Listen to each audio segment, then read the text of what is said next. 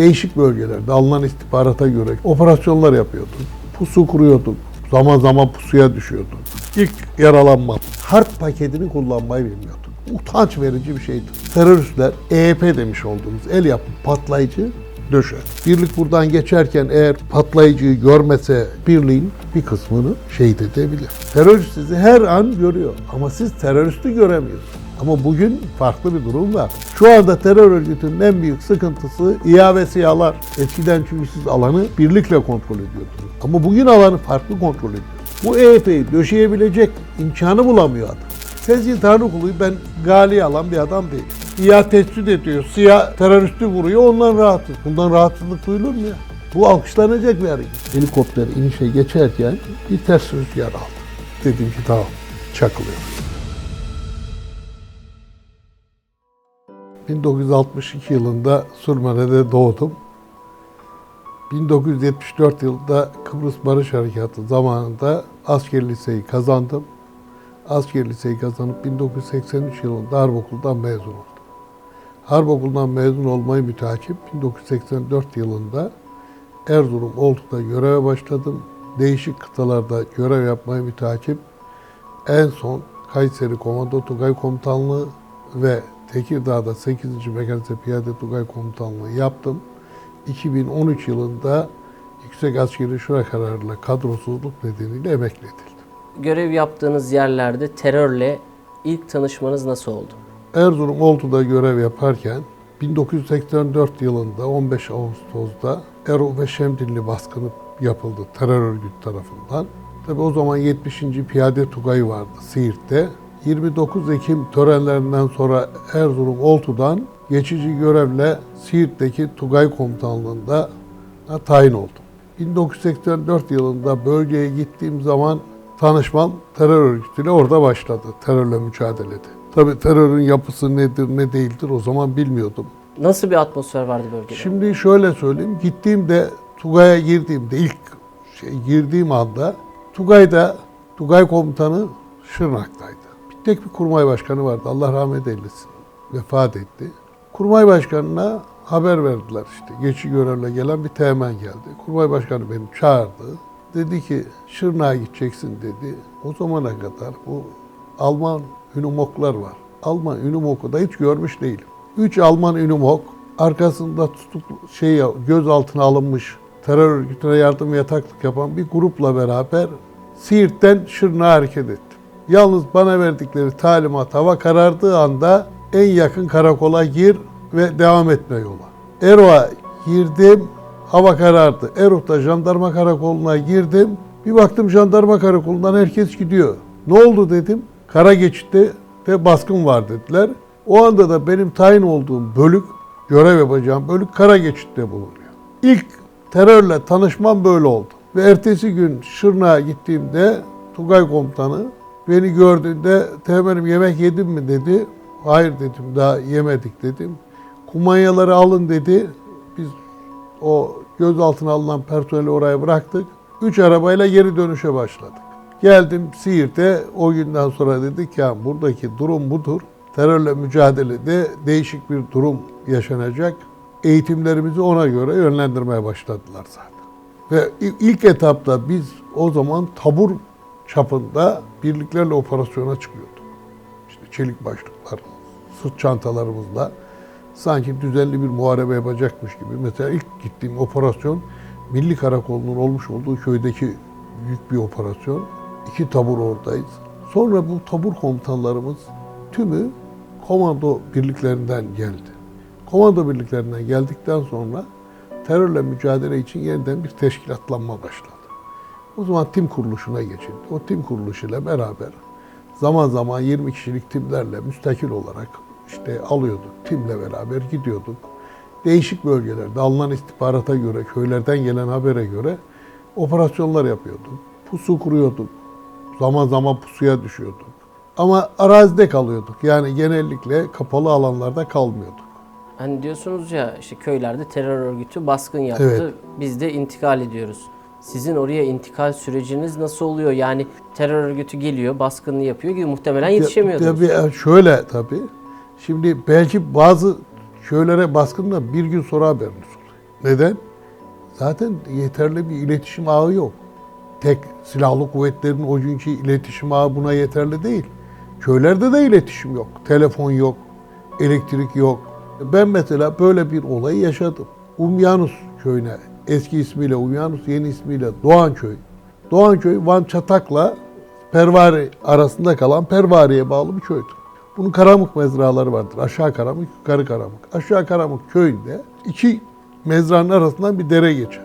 Derenin üstündeki sırt üzerinde değirmencinin bütün ailesini katlettiler. Mesela o katliama biz yetişemedik. Gittiğimiz zaman katliamı gördük ki katliamın büyüğünü kundaktaki bebek dahil öldürülmüştü. Bu terör örgütünün ne yapacağını zaten kestirmeniz o anda mümkün değil. Yeterli bilginiz de yok. Çünkü siz silahlı kuvvetler olarak terörle mücadeleye göre hazırlanmamışsınız. Düzenli muharebeye göre hazırlanmışsınız. Silahlı kuvvetler bununla ilgili aşama kaydetti mi?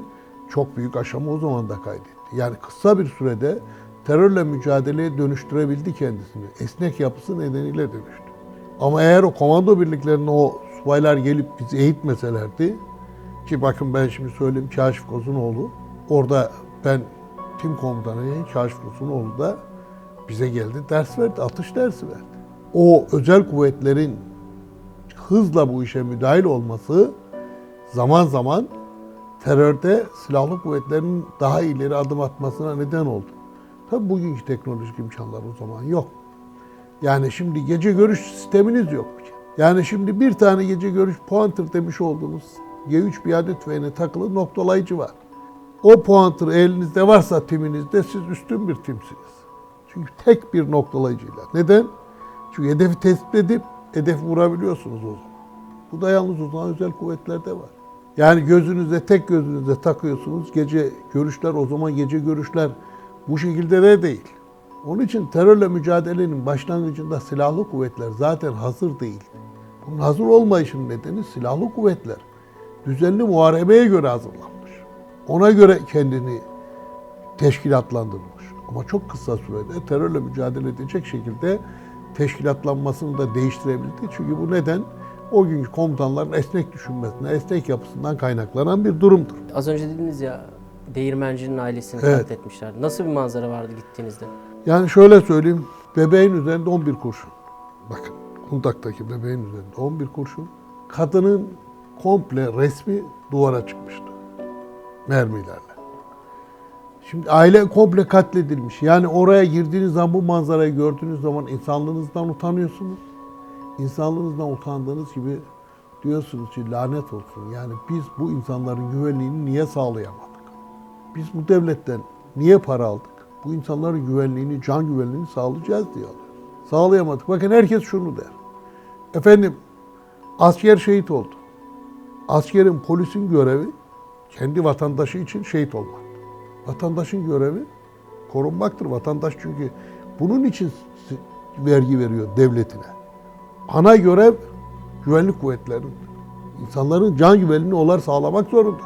Onun için ben hiç asla görev esnasında görev yaparken burada biz şehit olacağız, öleceğiz. Hiç önemli değil. Çünkü ölmesi gereken biri varsa önce güvenlik kolluk kuvvetleri biziz. Şeyi sorayım komutanım. Hantepe baskını. Şimdi Hantepe baskınında ben Komando Tugay komutanıydım. Kayseri Komando Tugay komutanıydım. Ya ben bir kere şunu söyleyeyim. Ben komando birlik komutanı olarak her zaman mahiyetime şunu söyledim. Ben komando birliğine sızmayı kabul etmiyorum diyordum. Komando birliği pusuya düşebilir. Mayına basabilir.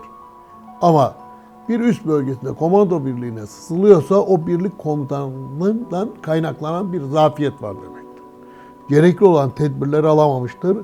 Taktik seviyede o şeyleri uygulayamamıştır. Şimdi Hantepe baskınından bir gün önce iki tabur komutanı değişim vardı. İki tabur komutanı kavuşakta yemeğe almıştım.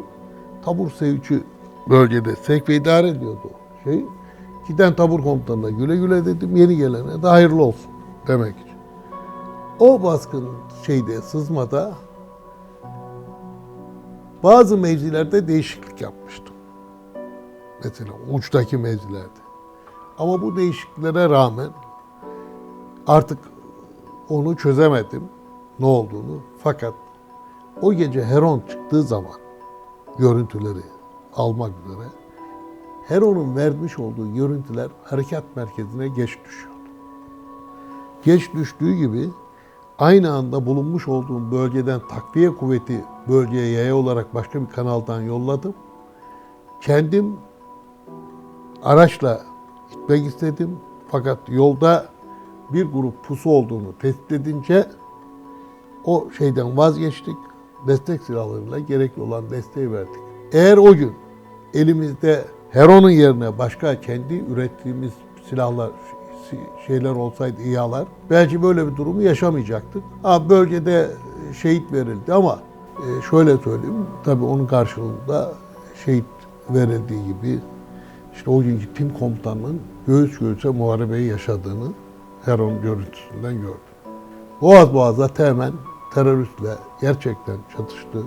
Allah rahmet eylesin. Kendisi şehit oldu. Fakat orada iki teröristin leşini oraya serdi. Yani coğrafyayı biraz da anlamak için soruyorum. Asker mesela bir göreve çıktığında nasıl bir coğrafyada göreve çıkıyor? Şimdi bakın coğrafyada şöyle söyleyeyim. Her bölgenin ayrı özelliği var. Kabar Dağı'ndaki bir çatışmanın özelliğiyle Besler Dereler arasındaki çatışmanın özelliği aynı değildir. Çünkü Besler Dereler daha ormanlık ama kayalık değil. Ama Gabar'a gelirsin, Gabar Dağı hem ormanlıktır hem kayalıktır. Şimdi Cudi Dağı'na gidersin, farklı bir coğrafya vardır. E çıkarsın Herakol Dağı'na, farklı bir coğrafya vardır. Her bölgenin ayrı özellikleri var. O bölgenin özelliklerine göre o bölgede bulunan birlikler daha önce o bölgede olan çatışmaların tümünü izlerler, görürler, analiz ederler. Birliklerini ona göre tekrar görevlendirirler. O görevlendirmeyle beraber bölgeye girer. Yani hiçbir birlik komutanı dur ya ben kendime göre şurada Besler derelerde bir operasyon yapayım demez. Besler derelerdeki operasyon için daha önce yapılmış operasyonları inceler. Bakar analiz eder. Değerlendirir. Hatta o birliğin içerisinde o daha önce orada operasyonda bulunmuş birlik komutanıyla görüşür. Siz şimdi Silopi'nin içerisinde bir operasyon yaparsanız farklı bir yapılanmayla yaparsınız. Neden? Alan daha düz. Ama çıkarsınız Silopi'nin dağ şeyine, Cüdü Dağı'na farklı bir şeyle yaparsınız. Aktütün bölgesinde farklı bir yapıyla operasyona girersiniz. Hakkari'de farklı bir şeyle girersiniz Hakkari'nin dağlarında. Beytüşebab'a girersiniz. Çok daha farklıdır Beytüşebab'ın yapısı. Şimdi onun için her bölgenin kendi özelliği var. Örgütün bu bölgelerdeki avantajı ne oluyordu? Avantajı örgüt bir kere bir sorumluluğu yok. Yani diyelim örgütten 20 kişi öldü. Kime hesap veriyor? Kimse hesap vermiyor. Bir kere bu. İki, üzerinde yük yok. Ağır bir yük yok. Örgüt bir köye girdiği zaman köyden ekmek ver dediği zaman ekmek vermeme imkanı var mı vatandaş? Mecbur verecek. Ama asker öyle değil ki. Askerin üzerinde mecburdur yiyeceğini, içeceğini yanında taşımaya. Örgüt gibi olabilseniz, hafif olabilseniz o zaman pat diye örgütü düşürmeniz daha kolay. Sizden çok eğitimli değil örgüt elemanı. Sizin elemanlarınız onlardan çok daha eğitimli. Ama mesele yük. Siz ağır yük taşıyorsunuz. O günkü şartlarda bu yükleri taşımanız gerekiyordu. Siz köye girip de hadi bize yemek verin diyecek haliniz yok. Ya bunu diyebilmeniz için parasını bir kere vereceksiniz. O köylünün diyelim ki üç gün hiç bitti yemeğiniz bir köye girdiniz yemek isteyeceksiniz. Bu köylüye parasını vereceksiniz. Parasını vermeden yemek alabilir misiniz? Çünkü siz eşkıya değilsiniz. Devletin temel görev verdiği bir unsursunuz yani. Devletin unsurları gidip de bir köye hadi ben acım yemek verin. Bütün mesele ağırlık meselesidir. Terörist sizi görüyor, siz terörist her yerde göremiyorsunuz. Bir de o var yani. Terörist sizi her an görüyor ama siz teröristi göremiyorsunuz. Ama bugün farklı bir durum var. O günkü durumla bugünkü durumu kıyas edilmeyecek bir durumdayız yani. Arazide terör örgütünün döşemiş olduğu sistemler, saldırı sistemleri, bunların keşfedilmesi veya bunları önlem nasıl oluyordu o şimdi, dönemler? Şimdi bak e, şöyle söyleyeyim. Şimdi arazide teröristler belli ilerleme askerin geçebileceği bölgelerde EYP demiş olduğumuz el yapımı patlayıcı maddeyi ya uzaktan komutalı kurar ya da üzerine bastığınızda patlayacak şekilde döşer. Üzerine döşüp patlayacak şekilde döşeyip bırakıp gitmişse orada terörist o anda gözetlemiyordur. Ama eğer el yapımı patlayıcı uzaktan kumandalı bir sistemle yapılmışsa o zaman sizi mutlaka bir yerden gözetliyordur. İlerlerken birliğinizin belli bir alanında bunu patlatabilir. Bu nerede olur? Yolda ilerliyorsunuz. Şöyle düşünün şimdi. Şurada ilerliyorsunuz. Şurada bir yamaç var. Bu yolun yamacın kenarına koyabilir. Birlik buradan geçerken eğer kontrolü patlayıcıyı görmese ki görmesi çok zordur. Arazideki değişikliği fark etmeniz lazım. Uzaktan kumandayla patlatır birliğin bir kısmını şehit edebilir. Onun için bu birliklerin arazide bir de ilerlerken böyle bir sorumluluğunuz var. Şimdi diyor ki adam ya terörist önünden kaçtı. Kaçtı ama burada siz şimdi o anda bir aceleyle EHP'ye bastığınız zaman belki 10 tane şehit vereceksiniz. 10 kişiyi şehit edeceksiniz. Size teslim edilen vatan evladını bir tabuta koyuyorsunuz. Şehit olarak ailesine geri veriyorsunuz. Böyle bir sorumluluğunuz yok ki. Sizin önemli olan sorumluluğunuz nedir? Kimseyi zayi etmeden, kimseyi şehit yapmadan terör grubunu etkisiz hale getirmektir. En önemli konu odur. Ama sonuçta bu EYP'yi uzaktan patlatabilirler. Bugün ise bu EYP'yi döşeyebilecek imkanı bulamıyor adam. Eskiden çünkü siz alanı gözle kontrol ediyordunuz, birlikle kontrol ediyordunuz. Gidiyordunuz alan kontrolü için. O alanı kontrol etmek için belli bölgeye oturuyordunuz. O bölgeden arazi keşfi yapıyordunuz, yol keşfi yapıyordunuz. Terörist geçiyor mu, geçmiyor mu, bir şey var mı, yok mu onu tespit ediyordunuz. Alan kontrolünde sürekli hareket ediyordunuz. O sürekli hareketle o alanda teröristin hareketini kısıtlanmış oluyordu. Ama bugün alanı farklı kontrol ediyoruz. Zaten şu anda bu terör örgütünün en büyük sıkıntısı da bu. Şu anda terör örgütünün en büyük sıkıntısı İHA ve SİHA'lar. Nasıl oldu sizin İHA ve SİHA'larla tanışma süreciniz? Şimdi ben askeriyede? şöyle söyleyeyim. Ben 2006 yılında e, tabii ilk bu İHA denemesini gördüm. Daha önce tabii Heronları Meronları kullanıldı, onları biliyorduk. Yalnız Türkiye'de e, bu denemeyi yapanlar Allah onlardan razı olsun. Bugün Türkiye için her yerde her zaman söylüyorum. İHA ve SİHA Türkiye Cumhuriyeti Devleti'nin bir kuvvet çarpanıdır. Buna her kim katkı vermişse Allah ondan razı olsun. 2006 yılında ben ilk Akçay'daki denemesinde bulundum. Birlik komutanlığı yaparken kullandık. Kayseri Komando Tugay Komutanı iken de kullanıldı bende. Burada şeyde Tekirdağ'da Tugay Komutanlığı yaparken tatbikatlarda kullandık. Birçok şeyini gördük. 2006'daki süreç ilk deneme süreçleri İlk değil mi? deneme süreci insansız hava helikopteri denemesi. O küçük bir helikopter denemesi yapıyorlardı Akçay'da. Ben rahmetli Özdemir abi o zaman tanıdım zaten. Bütün bu operasyon süreçlerini, terörün ilk süreçlerini yaşadınız. Aynı zamanda da SİHA'ların ilk deneme sürecinde bulundunuz. Ee, gördüğünüzde öyle bir teknolojinin ilk denemelerini nasıl bir atmosfer vardı siz, sizin için? Şimdi şöyle söyleyeyim ben bununla ilgili. Ben bunu belirtmek istiyorum. Türk Silahlı Kuvvetleri'ne bunu çok daha önce kazanabilirdi. Ama biliyorsun bu Özdemir abinin bu işte büyük bir emeği var ama FETÖ'cülerle mücadele var ya bu Türkiye'de savunma sanayine büyük hamleler kaybettirdi. Bu FETÖ'cü grup bunun çok erken girmesini engelledi. Belki bu 2006'da değil, belki de 2000 yılında, belki de 99 yılında Türk Silahlı Kuvvetlerine kazandırılabilirdi.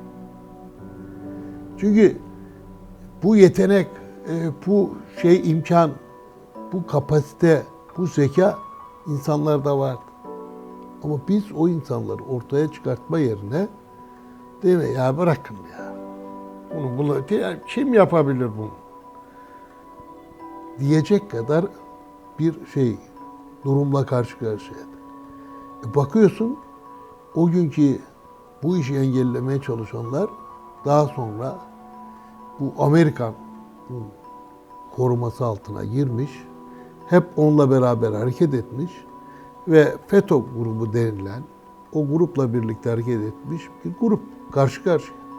Bunun maalesef daha önce girmesini engellediler. Biz bunu gördükten sonra şuna inandık. Türk Silahlı Kuvvetleri'nde en büyük değişikliklerden biri şu oldu. Küçük birlik seviyesinde siz Tugay seviyesinde etki alanınız, ilgi alanınız bellidir. Sizin etki alanınız elinizdeki silahların menzilidir.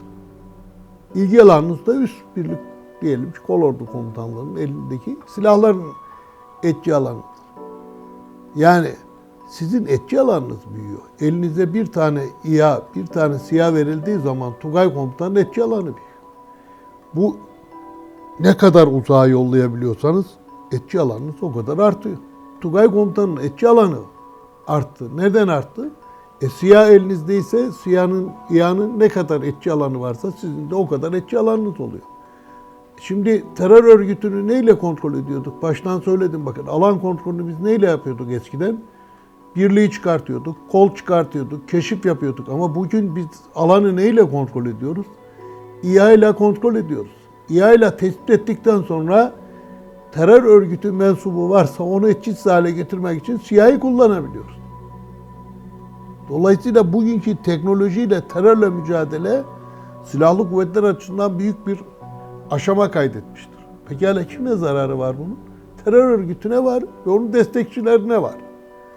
Çünkü terör örgütü eskiden olduğu gibi gidip bir EYP'yi öyle rahatlıkla döşeyemiyor. Çünkü alanda ne zaman İHA'nın uçacağını bilmiyor ki.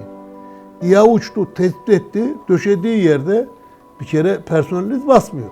Bakın son zamanlarda biz EYP'ye bastı, şehit oldu diye bir haber almıyoruz. Evet Suriye'de bir şey oldu. EYP'yi patlatırken bir istikam asubayımız şehit oldu. Allah rahmet eylesin. Bu olabilir mi? Bu olabilir. Bunu birlikte patlayıcı bir patlamamış bir mühimmatı patlatırken de bu insanın başına gelebilir. Ama topluca bir kol bir şeye bastı, EYP'ye bastı. Beş kişi şehit oldu. Böyle bir haber yok artık. Bu kimin sayesinde? Bu bugün İHA'nın ve SİHA'nın sayesinde. Bir kere savunma sanayi konusu siyaset üstü bir konudur. Yani bunu siya, iç siyaset malzemesi yapmanın bir anlamı yok. Türkiye'nin gücü arttıkça, etki alanınız arttıkça sizin siyasi bir şeyiniz yok ki. Türkiye'nin gücü art. Öyle gündeme getirip yalan yere polemik yaratmasının bir anlamı yok. Neyle ilgili bu? Bugün bugün İHA'dan ve SİHA'dan rahatsız olan terör örgütüdür. Terör örgütünün yanı sıra bundan rahatsız olan onun destekleyicileridir. Yoksa Türk Silahlı Kuvvetleri İHA'yı SİHA'yı kullanırken dur, bekle, efendim şeyi yapacak şeysi de yok. Kimseye de hesap verecek hali yok. Halkın zararına olan bir şey bu millet kaldıracak hali yok. Sadece burada mevzu siyah mı yoksa mesela o dönem kullandığınız sistemler, diğer alt sistemler, telsizler yani Ya tabii tabii o da var. Şimdi e, tek siyah değil tabii ki. Şimdi bakın eskiden sizin telsizleriniz biz ilk 84 yılında başlattığımız zaman Aselsan'ın telsizleri vardı. Manga el telsizi demiş olduğumuz telsizler bunu vatandaş belki bilmeyebilir. O telsizle diyelim ki bir buçuk kilometre, iki kilometre görüşüyordu. Ama şimdi telsizin menzili çıktı 150 kilometre, 250 kilometre. Şimdi bir de telsizin taşınması var. 35 kiloluk telsizi timde taşıyorsunuz. Bir de şimdi yarım kiloluk telsizi taşıyorsunuz. Ağırlığı da önemli. Küçüklüğü önemli. Kapasite önemli. Şimdi bu gelişmeler de var tabii. Tek başına bir tek savunma sanayi ilgili olarak İHA, SİHA'yı düşünmeyelim. Ha, ne olmuştur? Savunma sanayinin gelişmesi tabii ki tek bugüne dayalı değil. 1974 Kıbrıs Barış Harekatı'nda Türkiye ambargoyu yiyince bir savunma sanayiyle ilgili Aselsan'ın kuruluşuyla beraber büyük bir hamle başlatıldı. Bu hamleye zaman zaman gelen hükümetler bir kısmı çok iyi ekonomik destek verebildi, bir kısmı veremedi. Bu son dönemde hükümetin tutumu, yani AK Parti hükümetlerin en büyük şeysi, savunma sanayine vermiş olduğu destekle savunma sanayi büyük bir hamle kazandı. Bu da Türkiye'nin lehine olan bir şeydir. Yani buna şimdi niye buna destek verdi deyip kimseyi suçlamanın bir anlamı yok. Keşke her yere destek olabilseler ama sonuçta bir şeyi tercih etmiştir. Neden? Türkiye'nin güvenliği açısından savunma sanayinin gelişmesine ihtiyaç var. Şu anda Türkiye'nin güvenliği söz konusu olduğu zaman savunma sanayiniz güçlü olduğu için size dünyada itimat ediyorlar. Sizin ne kadar gücünüz varsa dünyadaki itibarınız da o kadardır. Bir insana saldırmak için ne yaparsınız? Onun gücüne bakarsınız. Gücü varsa uzak durursunuz, saldırmazsınız. Şimdi Türkiye'nin bugün öyle kolay kolay saldırılabilecek bir durumu yok. Ama Türkiye istediğini bugün kuvvet çarpanı olarak elinde bulundurduğu İHA ve SİHA sayesinde istediğini bazı masalarda alma imkanına sahiptir. Ergün Saygın Paşa geçtiğimiz günlerde Saha Expo'da bir cümle kurdu. Dedi ki varlığa doğan yokluğu bilmez dedi. Siz gençler varlığa doğmuş bir nesilsiniz dedi. Biz dedi bu yapılanları görmemiştik. Emanet alınan, kiralanan şeylerle teçhizatlarla askerlik yapmanın, görev yapmanın utancını yaşamış bir komutanım dedi. Bak şimdi Ergun Paşam doğru söylemiş. Onlar bunu büyük bir çoğunluğunu yaşamış. Biz de bir kısmını yaşadık onu. Şimdi bakın ben başımda geçen olay. İlk yaralanmam. Doğanköy'ün bir mezrasında Hol Kuval mezrası var. Hol mezrasında bir operasyon esnasında gelen mermiden bir yaralanmam oldu. Harp paketini kullanmayı bilmiyorduk. Harp paketi seferi bir malzemeydi.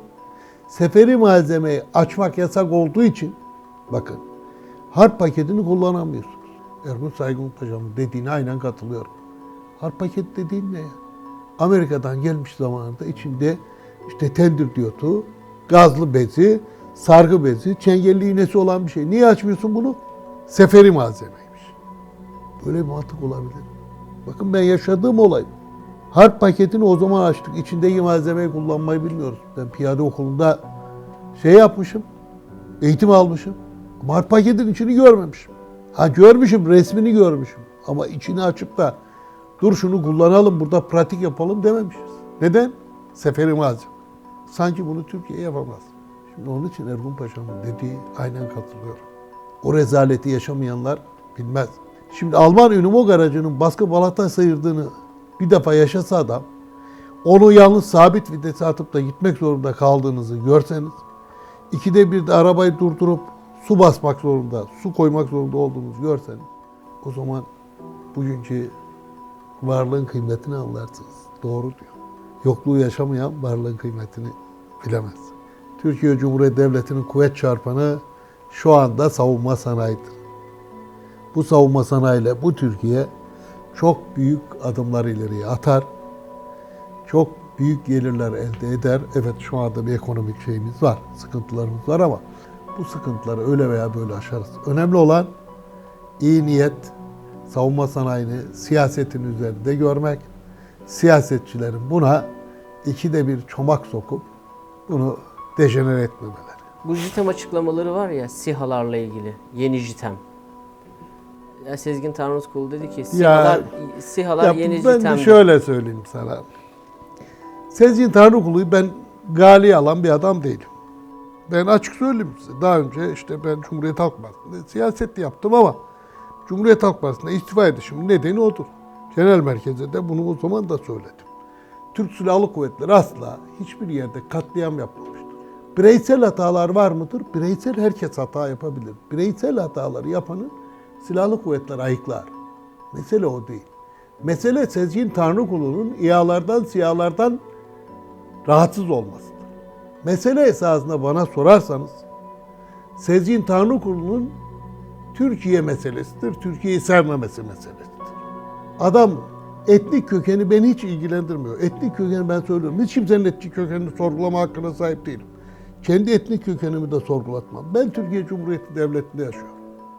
Bu ülkede yaşadığım sürece bu ülkenin menfaatine olan her şey evettir. Sezgin Tanrıkulu'yu ben galiye bile almıyorum.